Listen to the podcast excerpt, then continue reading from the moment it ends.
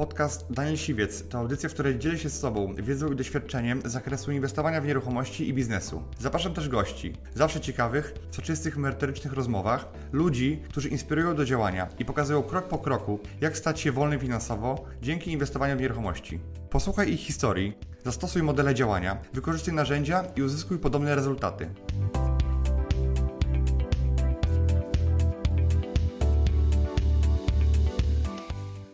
Pierwsze chciałem się podzielić z Wami moimi zasadami, którymi ja się kieruję w życiu, które pomogły mi zbudować majątek i które pomogły mi stać się niezależny finansowo. Ja mam pokazać dzisiaj, jak za kilka lat znaleźć się w miejscu, w którym nie będziecie musieli pracować. I spisałem takich 10 zasad, którymi ja się kierowałem, które były dla mnie najważniejsze. Niektóre rzeczy to, to rzeczy, które nabyłem, praktycznie wszystkie nabyłem, bo z żadną z tych rzeczy nie wychowałem się. W sensie nie, nie dostałem je tych zasad z domu, domu takiego rodzinnego. Bo u mnie w domu rodzinnym nie było pieniędzy, jakby nie, nikt nie myślał na temat tego, jak można te pieniądze zarabiać, pomnażać, ewentualnie tylko i wyłącznie oszczędzać. Więc wszystkie rzeczy, które ja mam, to są rzeczy, które ja nabyłem w czasach, kiedy już byłem dorosły. I, I, wiem, że to nie jest kwestia tego, że to trzeba się takiego urodzić, tylko to są rzeczy nabyte. I ja dzisiaj Wam pokażę drogę, którą ja dzisiaj rekomenduję, żeby się uniezależnić od swojego biznesu czy od swojej pracy. W sposób, który jest powielalny i który jest yy, skalowalny, uważam, że dla większości ludzi. Wszystko, co jest tutaj, co możecie wziąć ode mnie, to jest do powielenia dla, dla każdego z Was. I ja wymyśliłem sobie takich kilka zasad budowania majątku. Pierwsza sprawa to jest kupuj tylko to, na co Cię stać. To jest takie, wiem, że takie proste i takie błahe, natomiast wiele osób nie robi tego i wiele osób żyje całkowicie odwrotnie.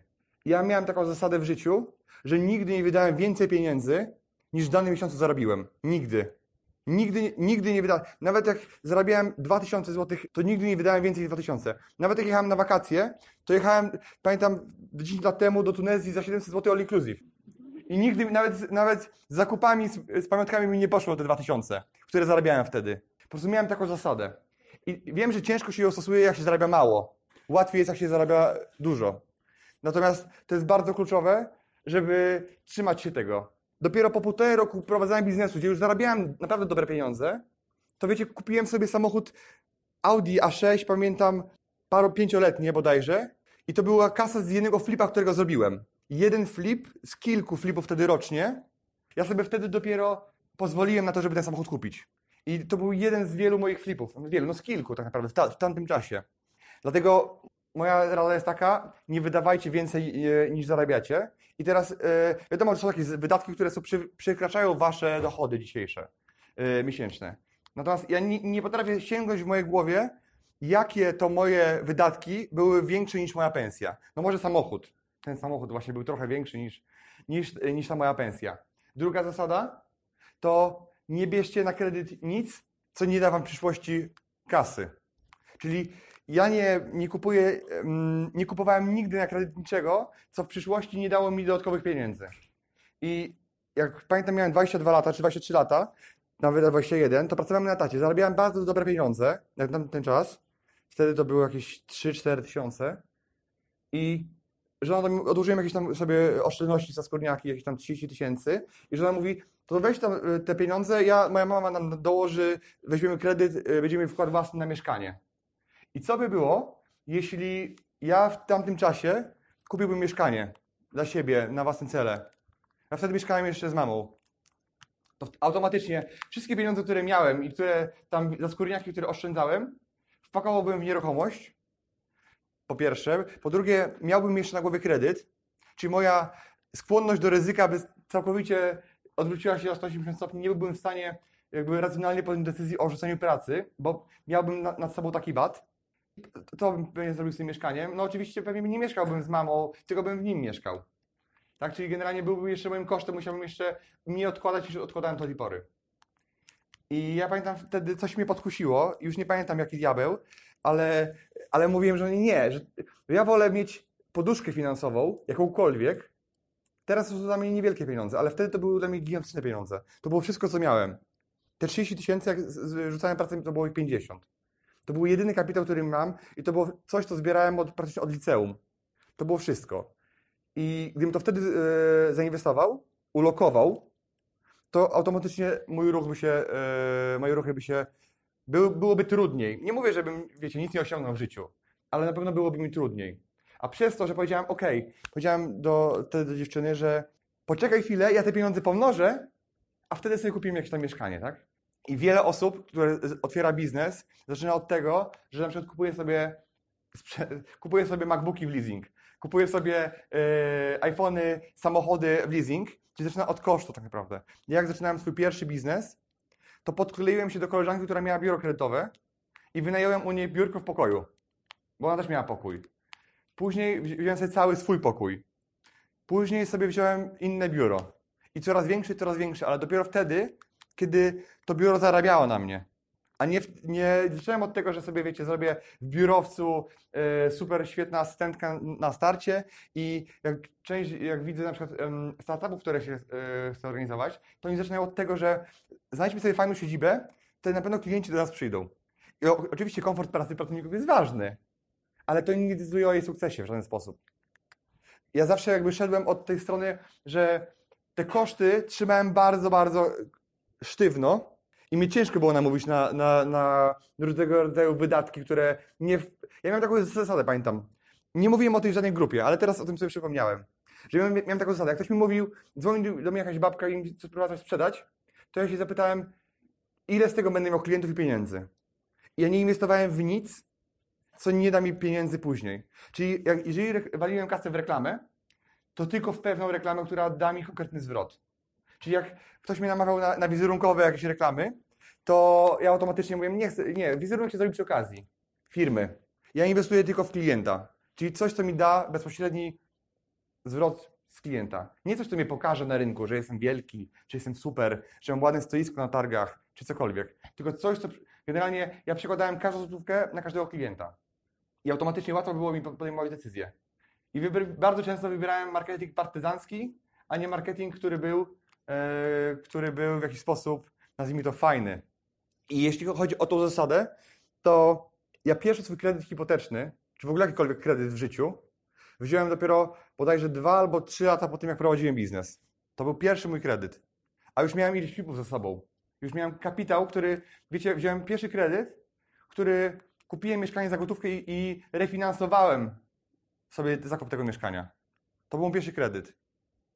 Więc jakby już miałem gotówkę uzbieraną i nie potrzebowałem kredytu wcześniej. Więc kredyt jest świetnym narzędziem do tego, żeby zacząć biznes flipowy na przykład, ale ja to zrobiłem bez, te, bez, bez tego. Bo jak wchodziłem w ten biznes, to domyślcie się, że nie miałem tej zdolności, bo byłem parę miesięcy na bezrobociu i już żaden bank nie, nie chciał ze mną gadać na temat finansowania. Wtedy jeszcze nawet nie wiedziałem, że można sobie zrobić zdolność w, w innej firmie. Yy, dobra, i teraz kolejna zasada. Używaj dźwigni. Dla mnie taką dźwignią, którą dzisiaj używam, tu i teraz, to jest ten mikrofon.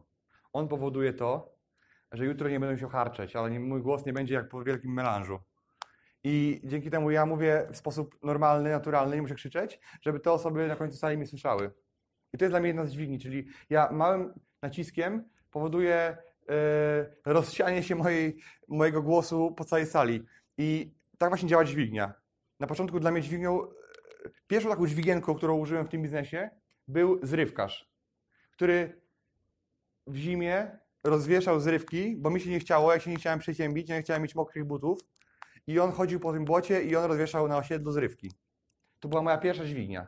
Kolejne dźwignie to, to były takie, że ja finansowałem zakupy swoich mieszkań przez ich właścicieli. To oni mi je finansowali i o tym powiem jeszcze trochę później. To był jakby mój... No pieniądze innych ludzi to jest piękna sprawa. Najlepiej się ich używa, bo to jest są największe zwroty. Życzę Wam tego, żebyście nie musieli używać pieniędzy własnych y, ludzi innych, tylko używali swoich. Ja dzisiaj jak robię flipy, to robię tylko i wyłącznie ze swoją gotówkę. I jakby nie muszę się posiłkować. Jeszcze parę lat temu kombinowałem, część flipów robiłem za gotówkę, część, robiłem, część flipów robiłem w oparciu o ludzi. Teraz dla mnie najważniejsza jest cena, żeby jak najwięcej zarobić, bo ten kapitał i tak jest. I na przykład dźwignią dzisiaj dla mnie może być inwestor, który najprostszy, to jest najprostsza dźwignia. Inwestor, który może chcieć finansować waszego flipa, albo w drugą stronę e, em, może być flipper, który zrobi za was czarną robotę przy robieniu flipa. Ilu jest osób, które chciałoby pozyskać jakby inwestora tutaj na tej sali dzisiaj?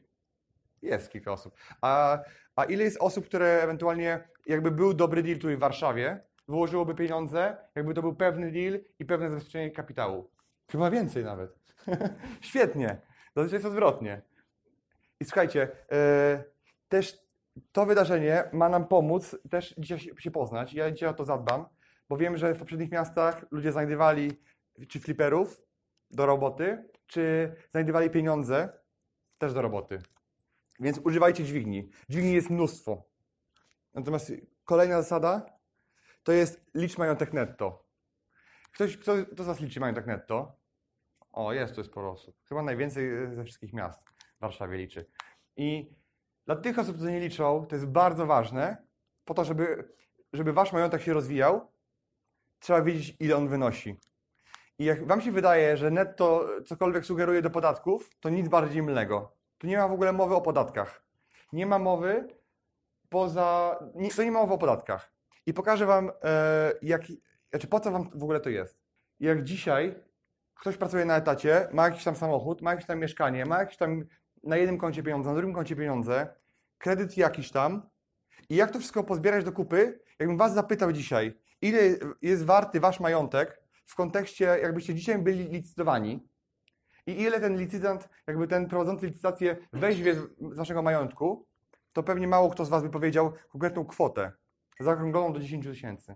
Bo to, się, to są bardzo zmienne liczby, bo z każdym dniem Wasze nieruchomości dzisiaj rosną, rosną w siłę, rosną, w- rosną ceny. Wasze kredyty się zmniejszają, bo je spłacacie, co niektórzy na pewno. Wasze samochody z każdym dniem są mniej warte, prawda? Wasze konta są coraz bardziej czyszczone też, przez inflację na przykład. Chociaż do inflacji się tutaj nie odnoszę. I no wasze inwestycje mają inną wartość. Akcje spółki, które kupiliście rok temu, były warte kiedyś X, a dzisiaj są warte półtora razy tego, albo odwrotnie. Albo połowę tego. Dlatego jak wiedzieć, czy wasz majątek się rozwija? Trzeba zrobić po prostu prostą tabelkę. Jak teraz ten flipchart? Dobra, pół tabelki zrobię dla tej strony. Dobra. Tam, tam mnie widzą wszyscy? O, teraz? Widzicie mnie? Zaraz zajadę do was też. I robię sobie prostą tabelkę, gdzie wpisuję aktywa po jednej stronie i po drugiej stronie wpisuję pasywa. I co ja tutaj robię na przykład u siebie? Ja to robię raz na kwartał, raz, albo raz na pół roku, jak zapomnę. Ale to mi pokazuje, czy mój kapitał, mój majątek, który gromadzę, który buduję, on się rozwija, czy on się zwija, czy stoi w miejscu. Bo jak mam badać, czy ja rozwijam swój kapitał, jeśli ja mam dzisiaj dwadzieścia kilka spółek, kilkadziesiąt nieruchomości, kilkadziesiąt kont bankowych, ja nie ogarniam, ile jest na którym koncie czasami, tak jakby, bo to tak wiele jest przelewów robionych, że po prostu nie jestem w stanie z dnia na dzień to kontrolować. Jakbym miał jedno konto i nic więcej, to bym wiedział codziennie, ile mam tych pieniędzy. Ale jeżeli dzisiaj macie różne nieruchomości i nie wiem, flipujecie, macie tu dany zadatek, tutaj macie kupione mieszkanie, tu macie kupione w kredycie, tutaj e, macie na przykład działkę pod deweloperkę, to, nie, to tak naprawdę ciężko oszacować, spojrzeć na to z góry i powiedzieć, ile ja mam, ile jestem warty, ile jest warty mój majątek. I co ja tutaj robię? Wpisuję wartość realną, rynkową tego, co, co posiadam. Czyli, jeżeli mam mieszkanie o wartości 400 tysięcy, wpisuję 400 tysięcy, ale co znaczy wartość rynkowa? Nie wpisuję, ile w ogłoszeniach są te mieszkania, nie wpisuję, ile za nie dałem, tylko wpisuję realną wartość, ile byłbym w stanie skeszować w ciągu 3-4 tygodni. Czyli ile by mi rynek za to dał. Ale realnie, a nie moje życzenie pobożne. Czyli po prostu no, realną kwotę. Zobaczmy 400 koła. Przyjmijmy też sytuację taką, że na, ten, na to mieszkanie braliśmy kredyt w wysokości 100 tysięcy. I wpisuję, 100 tu jest 100 tysięcy. Czyli można powiedzieć, gdyby to był jedyny mój majątek, to mój majątek byłby warty 300 tysięcy. Jakbym sprzedał to mieszkanie, oczywiście nie mam gdzie mieszkać, to fakt, ale miałbym 300 tysięcy na koncie. Druga sprawa, mamy samochód. I załóżmy, nasz samochód jest warty dzisiaj 50 tysięcy. Ale ile, ile jest warty? Pamiętajcie, nie ile daliśmy w salonie 3 lata temu albo, albo w komisie, ile Niemiec Turek wziął od nas, tylko tyle, ile Mirek z komisji nam będzie za niego zapłacił. Tu i teraz, dzisiaj. I załóżmy, że my na zapłaci 50 tysięcy, tak w uproszczeniu. No ale wzięliśmy kredyt na, na samochód albo leasing i żeby go dzisiaj sprzedać, to trzeba by ten leasing spłacić. I tego leasingu jest na przykład 20 tysięcy na dzisiaj. Bo jutro ten samochód będzie warty, na przykład za pół roku będzie warty 40 tysięcy, a nasz leasing będzie 15. Więc te, te wartości się zmieniają. Kolejna sytuacja. E, Co, co można mieć jeszcze? Jaki majątek? No kasę na koncie można mieć, prawda? Na koncie. No, Mamy na koncie na przykład 100 tysięcy. No i tutaj nie ma żadnej przeciwwagi, ale może być na przykład co? Może być karta kredytowa na 5 tysięcy, gdzie narobiliśmy zakupów i tego nie, to nie jest spłacone. Tak? Co jeszcze może być? Mamy inwestycje, yy, na przykład kupiliśmy akcję jakiejś firmy, na przykład za 20 tysięcy. Wpisujemy tutaj.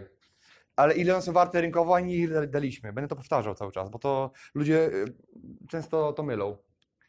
Co jeszcze można mieć? Jakie można mieć jeszcze aktywa? Dzieci nie liczę, bo ktoś mi zapytał, czy dzieci liczy.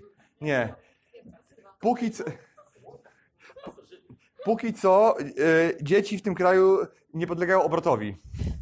Tak, z dziećmi to jest tak jak z ZUS-em. No nie można liczyć, że, że wiecie, dziecko wyjdzie do Ameryki generalnie i jak będzie dobre, dobrze wychowane, miał dobry charakter, to wam pomoże pewnie. No ja nie jestem ekspertem od dzieci, ale tak mi się wydaje, że ja bym nigdy, ja dam dziecku wszystko, co mogę mu dać, ale przede wszystkim dam mu edukację, nie pieniądze. Natomiast y, nie, nigdy nie, nie śmiałbym liczyć, że ono mi kiedykolwiek pomoże. W sensie finansowo mnie utrzyma. Ja liczę na to, że sam to muszę zrobić. I nigdy bym w tym kierunku, że ktoś dzisiaj myśli, jeżeli największą inwestycją jest dziecko, to może się przeinwestować po prostu. Bo nigdy nie wiecie, z kim to dziecko się zwiąże, pod jakim będzie wpływem i generalnie co się z nim stanie po waszym wychowaniu. Bo wy go trzymacie pod kloszem przez 18 lat, a ktoś go będzie później trzymał przez kolejne 20 parę pod swoim kloszem, może silniejszym. Co jeszcze? Mamy złoto jeszcze, tak? Na przykład kolega powiedział. No mamy, ile, ile tego złota możemy mieć? 5 kilo. 5 kilo to jest tak naprawdę 750 tysięcy, na przykład, tak? E, bez kredytu to złoto, tak? Umówmy się, bez kredytu. Mamy jakieś tam lokaty, mamy pieniądze i teraz skończmy już, dobra, tą listę, bo tutaj e, możemy mieć jeszcze kredyt gotówkowy, na przykład na 15 tysięcy, no bo nam się zachciało wakacji w tamtym roku, wzięliśmy na to kredyt. I teraz najważniejsze jest to, żeby to podliczyć. Nie chcę mi się tego liczyć dzisiaj, bo wpisałem te liczby, nie znam ich, e, nie znam ich sumy. Na przykład tutaj mamy liczbę na przykład 500 tysięcy, tak strzelam, prawda? Ale to tylko tak orientacyjnie, żebyście wiedzieli. Nie, trzymajcie się, to jest, to jest suma tego. Natomiast tutaj mamy liczbę 200 tysięcy. I teraz nasz majątek netto automatycznie jest warty 300. To może być 3 miliony, to może być 1 300, może być 30 tysięcy.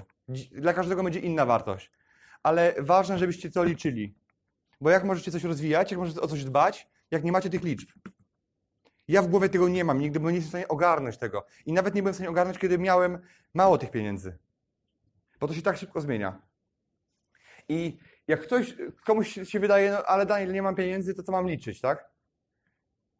To musisz się nauczyć liczyć małe kwoty po to, żeby los ci dał później duże i żebyś potrafił liczyć duże.